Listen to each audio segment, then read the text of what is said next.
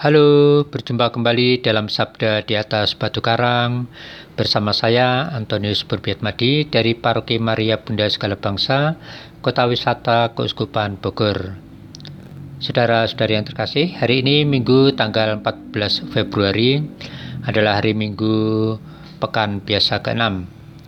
Bacaan-bacaan kitab suci yang dapat dibaca sebagai bahan permenungan Bacaan pertama dari kitab Imamat bab 13 ayat 1 sampai 2 dilanjutkan ayat 44 sampai 46.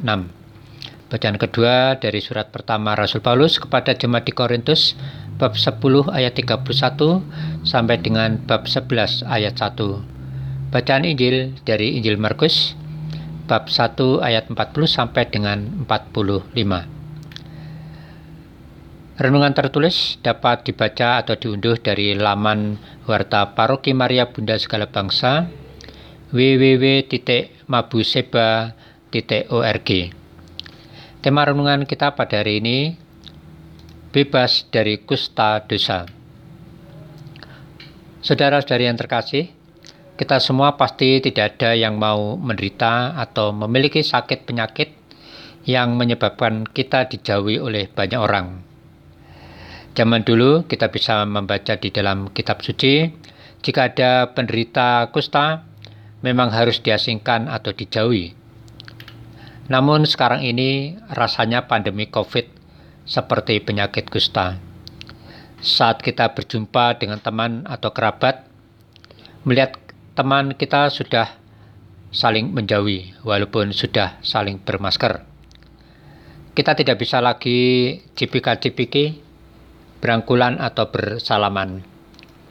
Kita semua sudah saling menjaga jarak satu sama lain, bahkan saling menghindar karena takut terkontaminasi oleh virus. Saudara-saudari yang terkasih, bacaan pertama dan Injil pada hari ini tentang penyakit kusta, yakni penyakit yang menyebabkan relasi penderita terpisah dari orang lain. Dari sabda Tuhan hari ini kita diajak untuk mengerti bahwa penyakit tanda petik kusta bukan saja kita mengerti hanya sebagai penyakit lahiriah atau fisik, melainkan juga dalam artian rohani yakni keberdosaan. Jujur saja kalau kita melakukan hal-hal yang kotor, yang berdosa, pastilah kita menghindar atau menjauhkan diri dari sesama dan Tuhan. Lewat sabda Tuhan hari ini kita diajak untuk menyadari sebagai orang kusta yang hidup penuh dengan carut marut persoalan dan juga coba jabiknya sikap perilaku kita karena keberdosaan. Jika kita didatangi orang sakit kusta, pasti kita akan menghindar. Tetapi tidak demikian ketika Yesus didatangi oleh orang kusta yang memohon bantuannya dan Yesus tetap menerimanya. Melalui kisah orang kusta yang disembuhkan Yesus, kita diajak untuk bersikap rendah hati dan mau datang kepada Tuhan. Kita diajak datang kepada Tuhan, memohon bantuannya untuk membersihkan kita dari dosa kita. Tuhan pasti mau untuk membersihkan kita dari dosa-dosa kita. Hidup bersih dari dosa itulah yang diharapkan oleh Tuhan, dan tentu saja hidup yang demikian akan menyenangkan hati Tuhan. Dalam bacaan kedua, Rasul Paulus mengingatkan bahwa hendaknya kita hidup dengan melakukan segala sesuatu bagi kemuliaan Allah, supaya setiap orang beroleh selamat. Bertobat adalah sesuatu yang kita lakukan untuk kemuliaan Allah. Karena keselamatan hidup kekal hanya bisa diperoleh jika kita hidup bersih dari kusta dosa. Untuk itu mari kita berusaha hidup bersih dari kusta dosa dengan mau datang kepada Tuhan, menerima anugerah dan belas kasih pengampunan Tuhan. Seperti orang kusta dalam bacaan Injil tadi, bahwa jika kita datang dengan rendah hati, datang memohon bantuan Tuhan, dan kita memiliki iman yang kuat, engkau dapat mentahirkan aku maka Tuhan akan sanggup melakukan segala sesuatu dan dapat mentahirkan diri kita menurut kehendaknya, bukan kehendak kita. Untuk itu, mari kita belajar cara memohon bantuan dari Tuhan, seperti yang dilakukan oleh orang kusta tadi.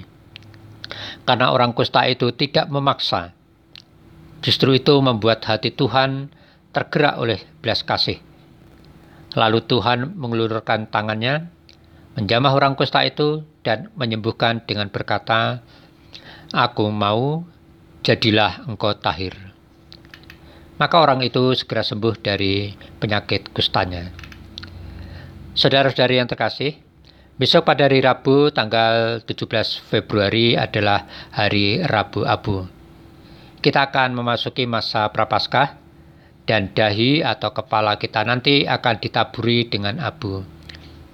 Itu sebagai tanda untuk mengingatkan kita akan pertobatan dari kusta-kusta dosa.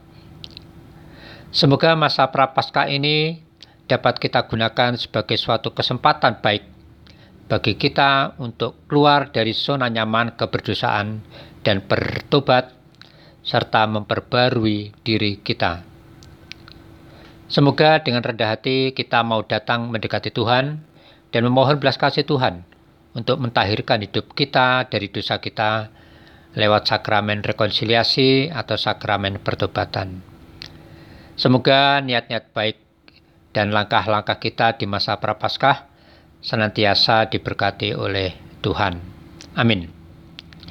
Saudara-saudara yang terkasih, ingat untuk tetap taat protokol kesehatan, bermasker, menjaga jarak ketika berhadapan dengan orang lain, rajin mencuci tangan, menghindari kerumunan, dan hindari juga bepergian yang tidak penting. Selamat memasuki retret agung 2021 dan semoga Tuhan memberkati kita. Amin.